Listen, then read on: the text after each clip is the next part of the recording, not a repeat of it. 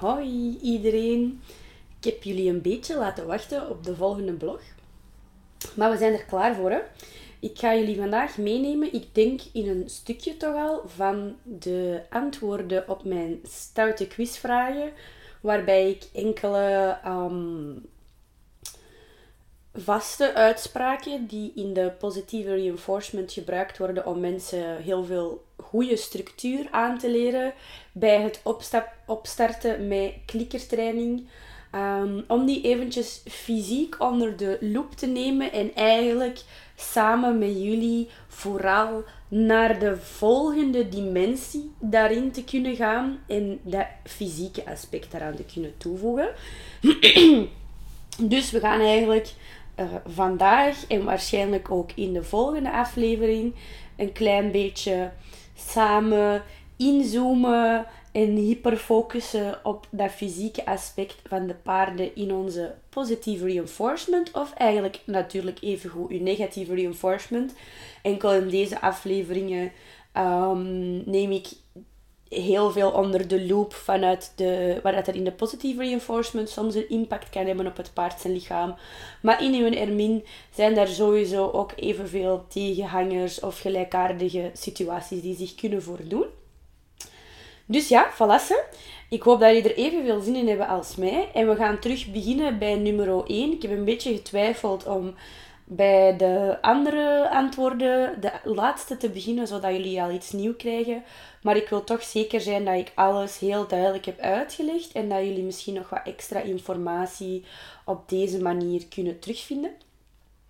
Dus het eerste dat ik had gezegd in mijn quizvraag is of dat het correct is om je paard altijd tussen de schouderbladen te voeren.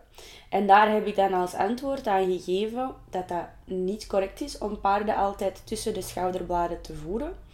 En dat komt omdat de handeling tussen de schouderbladen voeren is een super handige structuur om mensen mee te leren dat ze zeker niet te dicht bij zichzelf mogen voeren. Dat ze goed en duidelijk hun paarden leren dat het eten naar hun toe komt en dat ze niet heel hun hoofd naar de mens toe hoeven te bewegen. Um, dat ze niet naar de mens toe hoeven te stappen, want dat is eigenlijk ook allemaal heel stresserend voor die paarden. Als ze niet weten hoe dat ze moeten omgaan met het voer, dan ontstaat er eigenlijk heel veel spanning tussen de, het paard en de mens rondom dat eten. Maar als we dan naar dat detail van tussen de schouderbladen gaan kijken, dan zie ik dat dat soms ook voor stress kan zorgen bij de paarden. En dat heeft dan voornamelijk te maken met dat um, je naast tussen de schouderbladen te voeren eigenlijk naar nog een diepere dimensie kunt gaan van hoe dat je je paard voert. En dan spreken we, uh, of ik heb het dan zo benoemd, dat je je paard eigenlijk moet voeren naar zijn huidige evenwicht.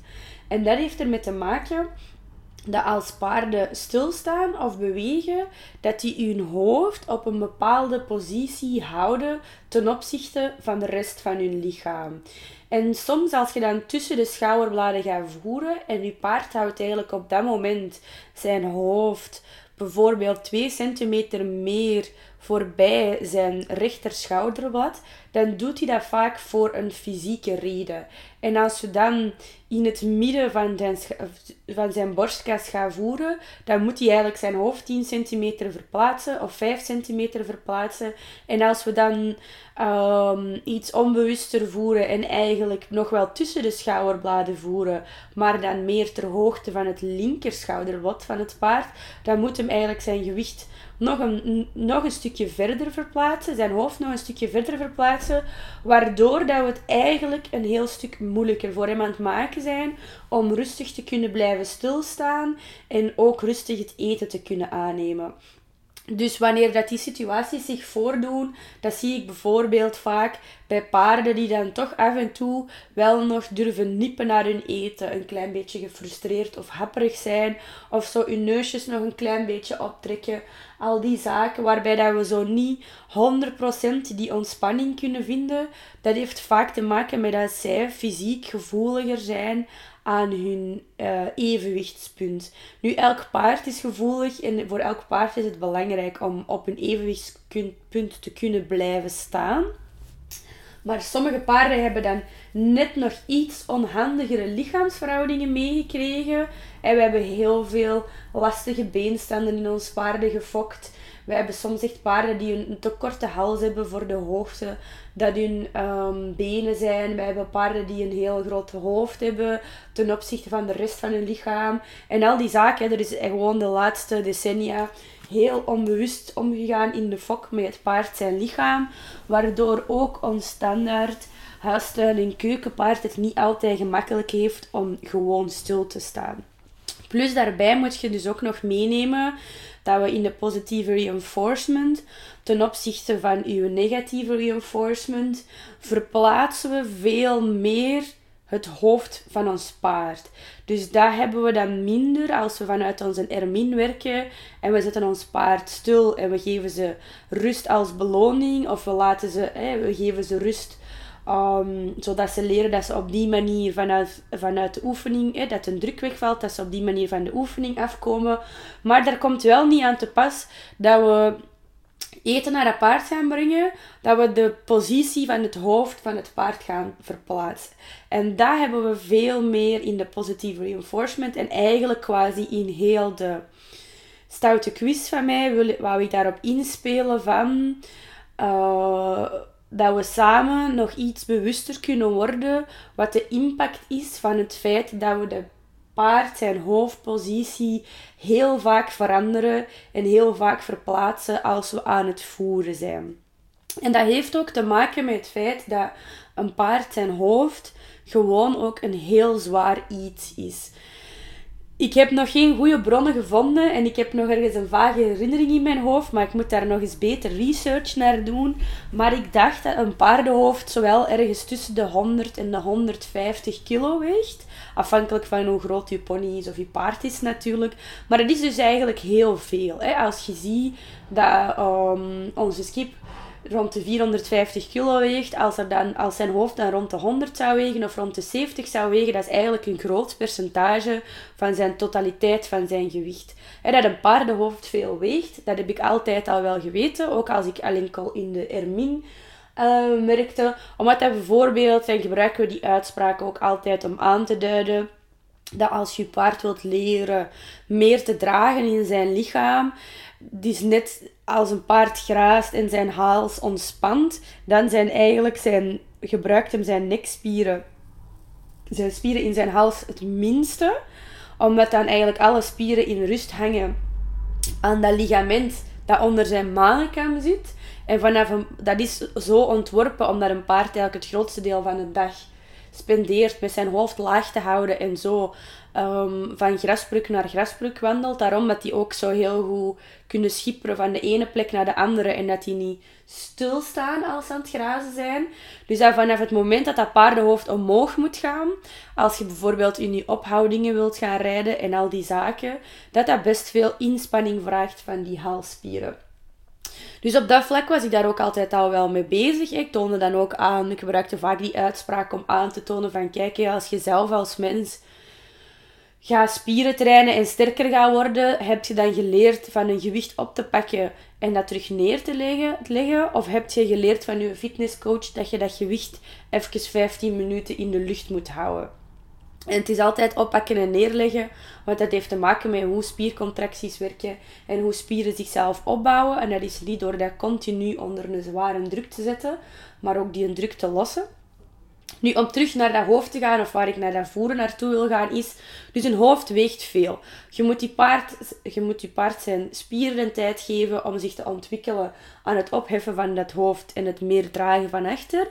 En als we met de positieve reinforcement werken, dan moeten we, of helpt het onze paarden, dat we ons bewuster gaan maken hoe dat wij ons dier beïnvloeden door zijn hoofdpositie aan te passen bij ons voeren. Als het dan gaat over een nummertje 1, het voeren tussen de schouderbladen, dan merk ik dat sommige paarden in stilstand het dus moeilijk hebben als ze te letterlijk tussen de schouderbladen gevoerd worden. Om een mens gaat dan eigenlijk focussen naar ik moet tussen die twee schouderbladen zijn en ze geven altijd exact op diezelfde plek eten, maar dat is niet uh, op het evenwichtspunt hoe dat, paard op dat moment staat. Ik heb dat ook in mijn uh, stories proberen uit te leggen door middel van wat plaatjes. Dus uh, we hebben dat paard voor ons dat zijn hoofd een klein beetje naar rechts houdt als hem stilstaat. Hij heeft een best zware hoofd, waardoor, hè, waarom houdt hem nu zijn hoofd een klein beetje naar rechts, dus 2 centimeter voorbij zijn rechter schouderblad? Dat komt omdat hij meer gewicht, of op dat moment, want het is niet allemaal exact hetzelfde, maar op dat moment heeft het paard meer gewicht hangen op zijn linkerschouder. Dus stel je voor, we hebben een paard van 400 kilo en hij heeft, hij zou idealiter gezien op elk been 100 kilo hebben staan. En zijn, als hij op elk been 100 kilo heeft staan, dan zou hij zijn hoofd mooi pal in het midden kunnen dragen. Want dan kan hij die 100 kilo van zijn hoofd gelijk verdelen over zijn twee schouderbladen. Dus dan heeft hem eigenlijk op elk been 100 kilo staan. En dan, dan is het eigenlijk een paard van 500 kilo in deze vergelijking. En dan draagt hem nog eens 50 kilo van zijn hoofd op zijn linkervoorbeen en 50 kilo op zijn rechtervoorbeen. Nu, het is niet de allerbeste wiskundige vergelijking om die percentage van dat hoofd. Maar je snapt wel waar ik naartoe wil gaan. Het paard dat dan zijn hoofd 2 centimeter meer naar rechts houdt, die gaat dan, omdat er 10 kilo meer op zijn linkervoorbeen staat, daar staat 110 kilo op. En op zijn rechtervoorbeen staat op dat moment maar um, ehm, 100 kilo. Wat gaat hij doen met zijn hoofd? Die gaat het percentage, het gewicht in zijn hoofd dermate verdelen dat dat terug gelijk trekt. Dus hij gaat eigenlijk 10 kilo van zijn hoofd meer boven zijn rechtervoorbeen houden. Zodat dat hoofd, dat bijvoorbeeld 100 kilo weegt, verdeeld wordt tussen het linker en het rechtervoorbeen, waarbij dat er dan 10 kilo meer van naar het rechtervoorbeen gaat. Dus hij heeft 110 op zijn linkervoorbeen staan. Zijn hoofd weegt 100 kilo. Dus wat gaat hem doen? Hij gaat 40 kilo van die 100 op zijn linkervoorbeen balanceren en 50 kilo Um, ehm, 60 kilo bedoel ik. Wacht, hè. 40, 40, 40. Ik ben mijn kilo's door elkaar aan het halen, hè. Um, en dan 10 kilo meer op zijn rechter voorbeen, zodat hem eigenlijk zijn hoofd mooi over de twee schouderbladen verdeelt en dat hem zichzelf in balans kan houden. Als wij dan per ongeluk omdat we hebben geleerd dat we moeten tussen de schouderbladen gaan voeren. En dan nog iets meer per naar de linkerkant gaan voeren. Dan gaat eigenlijk die 10 kilo dat hij heeft geprobeerd naar rechts te houden. Die gaat van die rechts afkomen. En als hem nog iets meer naar het linker schouderblad moet bewegen, dan kan dat zelf zijn dat er meer dan 10 kilo meer komt, meekomt, maar dat er zelf 20 kilo meekomt. Of als we per ongeluk helemaal voorbij dat linker schouderblad zouden voeren, ja, dan kunnen we eigenlijk dat volledige gewicht van dat paard zijn hoofd op die linkerschouder gaan laten hangen, die al meer, een percentage meer gewicht had. En dan kunnen ze niet blijven stilstaan en dan gaan ze over die schouder vallen. Dan gaan ze beginnen bewegen. En door die kleine nuanceverschillen gaat je paard dus eigenlijk soms gefrustreerd kunnen zijn door de manier waarop dat je je eten presenteert. Dus het is iets makkelijker voor hun als ze het concept geleerd hebben van kijk, het eten komt naar mij toe, ik moet niet naar de mens toe bewegen. Dat als je daar een beetje tijd en duratie in geshaped hebt, geshaped, dus dat je niet nog super snel moet zijn en ik moet mijn paard snel eten geven zodat hij niet terug naar hier komt, dat je dan in het moment dat je hem wilt voeren, dat je hem dan altijd gaat voeren naar hoe dat hem op dat moment staat, naar hoe dat hem zijn hoofd op dat moment positioneert. Want als hem niet meer de neiging heeft om zijn hoofd naar je toe te draaien voor het eten, kun je eigenlijk heel gemakkelijk kijken wat de laagdrempeligste voerpositie is voor je dier. Nu, sommige paarden die gaan daar snel rekening mee moeten houden. Dus die paarden met een nog iets moeilijkere verhoudingen, waar ik het er juist over had, kan het zijn dat zelf in het aanleren van uw standing still face forward of uw ground tie of noem maar op, er bestaan 101 termen voor, dat je toch ook daar gaat moeten zien, oké, hoe kan ik hem gemakkelijkst op zijn evenwichtspunt voeren en laten stilstaan?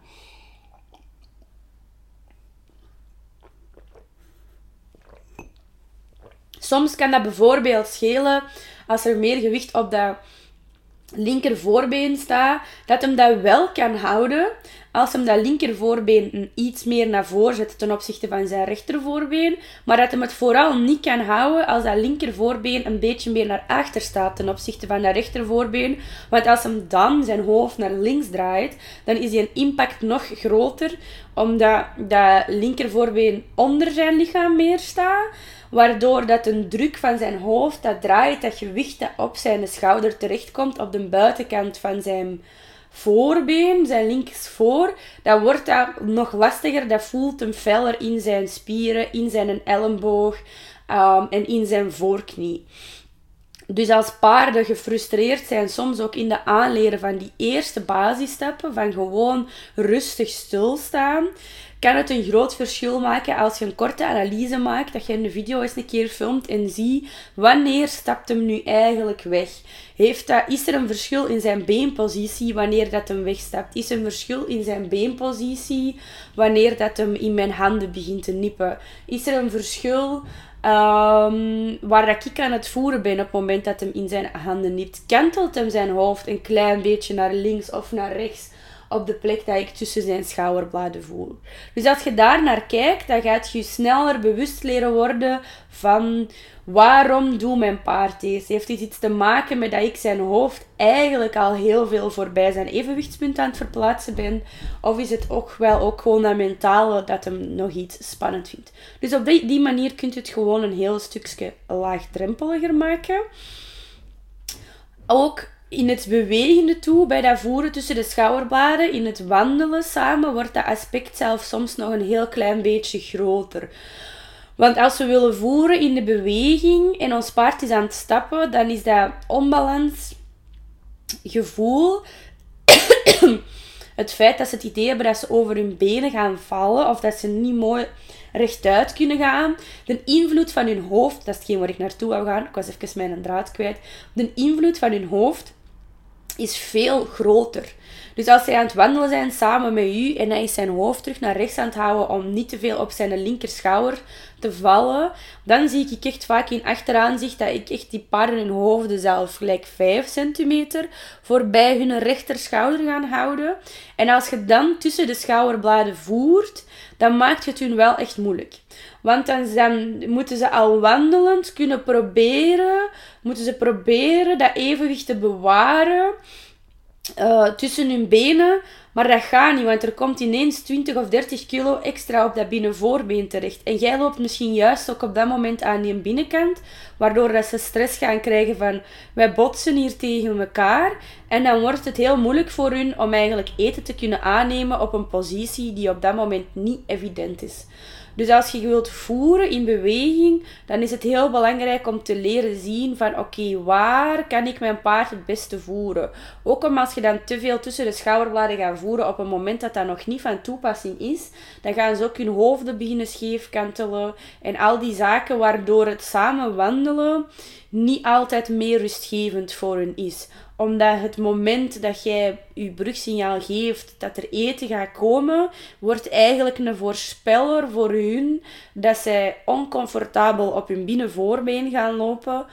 Ehm, ze weten niet waarom. Dat komt doordat ze dat eten gaan moeten aannemen. Maar daar hebben onze paarden dat bewustzijn niet over.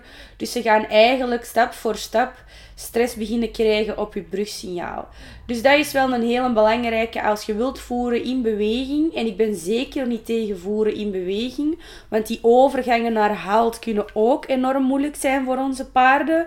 Omdat ze die plotselinge stops moeten, um, zijn ook iets dat, waar dat ze niet altijd kunnen. Een paard, paarden reageren vaak ook veel te plots op dat brugsignaal, stoppen dat met bewegen en dan kunnen ze zich ook pijn doen in hun SI-gewricht en al die zaken.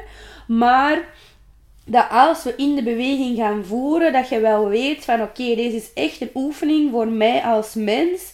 Dat als ik heel veel mijn paard wil eten geven, dan bestaat er het risico dat mijn paard veel te veel zijn hoofd gaat bewegen en daardoor zich minder goed in deze oefening gaat voelen. Want mijn paard wil zijn hoofd op een positie houden dat voor hem het comfortabelst is. Daar komt het eigenlijk naartoe. Dus dat was even nog mijn stukje over tussen de schouderbladen voeren. Als je daar nog een vraag over hebt, stelt ze mij zeker. Ik vind dat heel leuk om verder over dat onderwerp op in te gaan. En dan ga ik nog eens kijken naar het tweede. Het naar je paard toestappen met na het brugsignaal. Die gaan we hier nog even aan toevoegen en dan doe ik de volgende in de volgende podcast. Hier heb ik ook al uh, over geschreven in de stories en op de blogpagina. Ja. Dat is eigenlijk een hele simpele, die is makkelijker om kort uit te leggen. Dat heeft ook al te maken met dat evenwichtspunt van je paard zijn hoofd. Dat het eigenlijk gemakkelijker is voor je paard als je hem bijvoorbeeld aan het leren zij van rustig stil te staan, je ground tie, dat je zo verder en verder van hem weg kunt wandelen, dan is het makkelijker voor hem als je eigenlijk al naar je paard aan het toestappen zij, alvorens je je brugsignaal geeft. Want stel je voor, we hebben weer datzelfde paard, dat heeft meer gewicht staan op zijn linker voorbeen en draagt zijn hoofd een klein beetje naar rechts. Als je dan aan zijn linkerschouder je afstand wilt opbouwen ten opzichte eh, van, van dat hij stilstaat voor je ground tie. Als jij gaat klikken op het moment dat jij op het verste punt zei, dat je zo, eh, dat is de afstand dat je nu aan het oefenen bent, bijvoorbeeld drie stappen weg van hem, en je klikt op je derde stap, dan gaat je sowieso, of dat je het nu wilt of niet, je klik heeft aantrekkingskracht tot je paard. Dus als hem dat signaal hoort, gaat hem sowieso zijn oren naar u draaien en zijn hoofd waarschijnlijk wat naar u draaien. Als jij op dat moment net tot je verste punt gewandeld bent, dan heb je dat gedaan met de intuïtie van ik ben van u weg aan het wandelen. En als je dan klikt en je hebt juist de beweging van ik ben van je weg aan het wandelen, dan vergroot je die impuls voor je paard om naar je toe te komen. En hij gaat die, die aantrekking voelen. En wij willen hem eigenlijk leren van je moet juist niet altijd naar mij toe gewandeld komen. Maar jij bent op dat moment in zijn visualisatie net van hem weg aan het bewegen geweest. En dan maakt jij je brugsignaal. Dus eigenlijk alle vezels in zijn lichaam gaan dan zeggen: Ik moet daar naartoe. En dan zeker als hem met dat evenwichtsprobleem zit, gaat hem zijn hoofd iets feller naar je toe draaien. En dan gaat zijn lichaam automatisch in die beweging vallen, omdat er te veel gewicht op die schouder terechtkomt.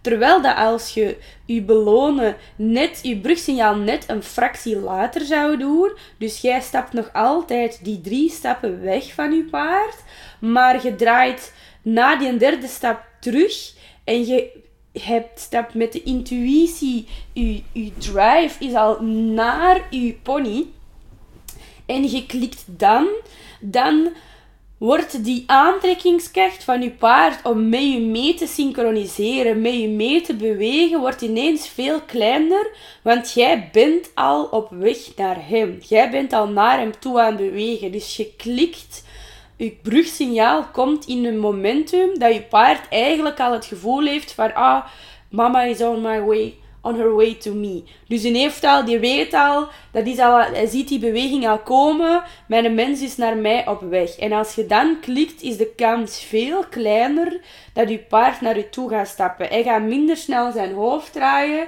Hij is al in het gevoel van, oké, ze is aan het terugkomen. En hij gaat veel gemakkelijker blijven staan. En eigenlijk heb je exact dezelfde afstand gewandeld ten opzichte van je paard. Je hebt ook drie stappen geoefend, dus je hebt ook je lengte uh, afstand eh, verlengt tot die drie stappen dat je wou, maar je hebt je brugsignaal gewoon net op een fractie later gelegd, waarbij dat je al op terugweg waart naar je paard, waardoor het veel makkelijker is voor hem om te blijven staan. En dat wil niet zeggen dat je een paar loops later niet mocht klikken als je weg aan het bewegen bent, maar in eerste instantie om het laagdrempeliger te maken voor je dier, dat je van hem weg aan het gaan zij om hem dat aan te leren, is het logischer voor hem als jij klikt als je al op terugweg naar hem toe bent. Maar dat is omdat wij dan heel vaak ons focussen op die criteria van um, ik ben aan het oefenen om verder weg van mijn paard te kunnen gaan, dat we denken dat dat het logischste is om te klikken op het verste punt dat we weg zijn.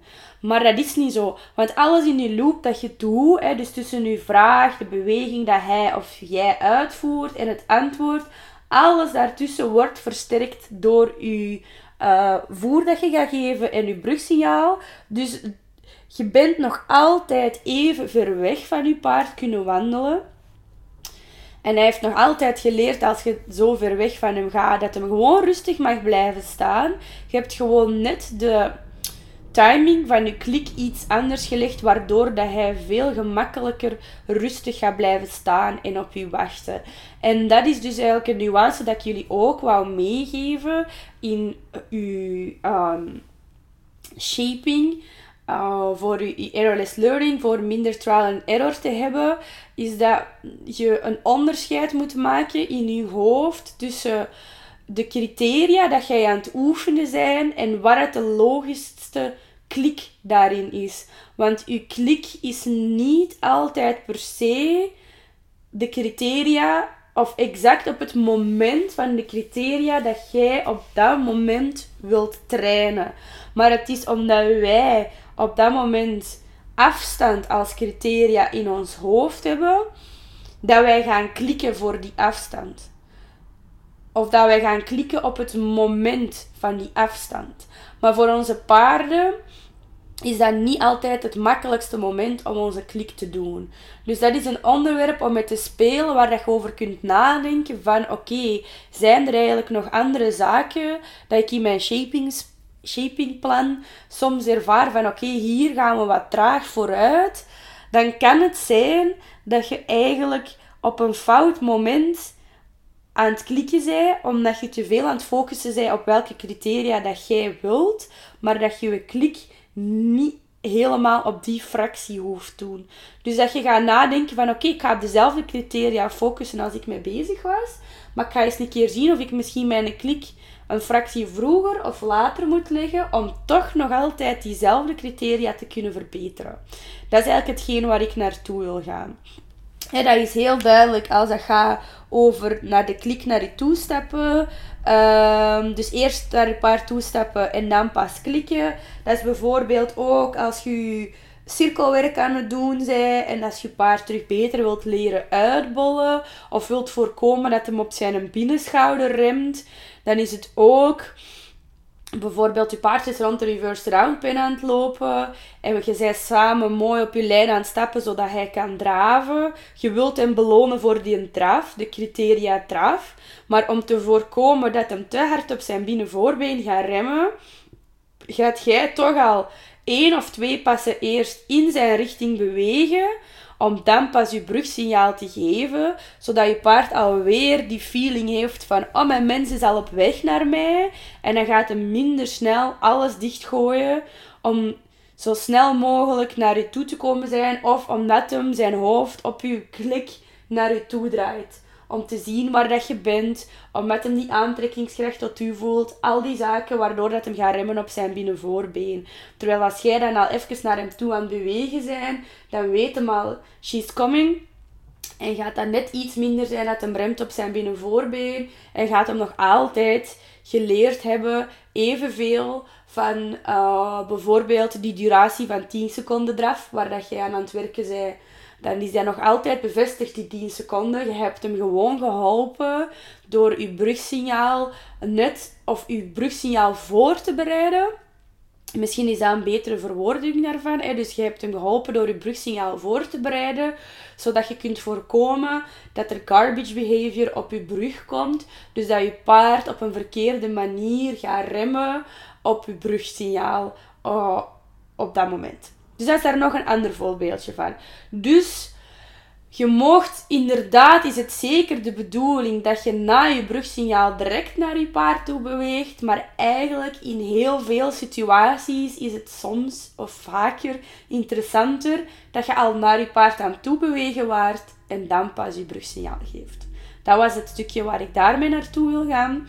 En dan ga ik in de volgende podcast met jullie kijken naar ehm, het belonen van je paard als hij naar je toe komt bij de minste beweging. Wat daar het fysieke aspect van is, daar heb ik net ook nog een klein storytje over gemaakt. En waarschijnlijk doe ik dat ook nog ineens het stuk erbij over als je paard naar een andere kant wil lopen, waarom dat dan niet altijd interessant is om dat gewoon zomaar toe te laten.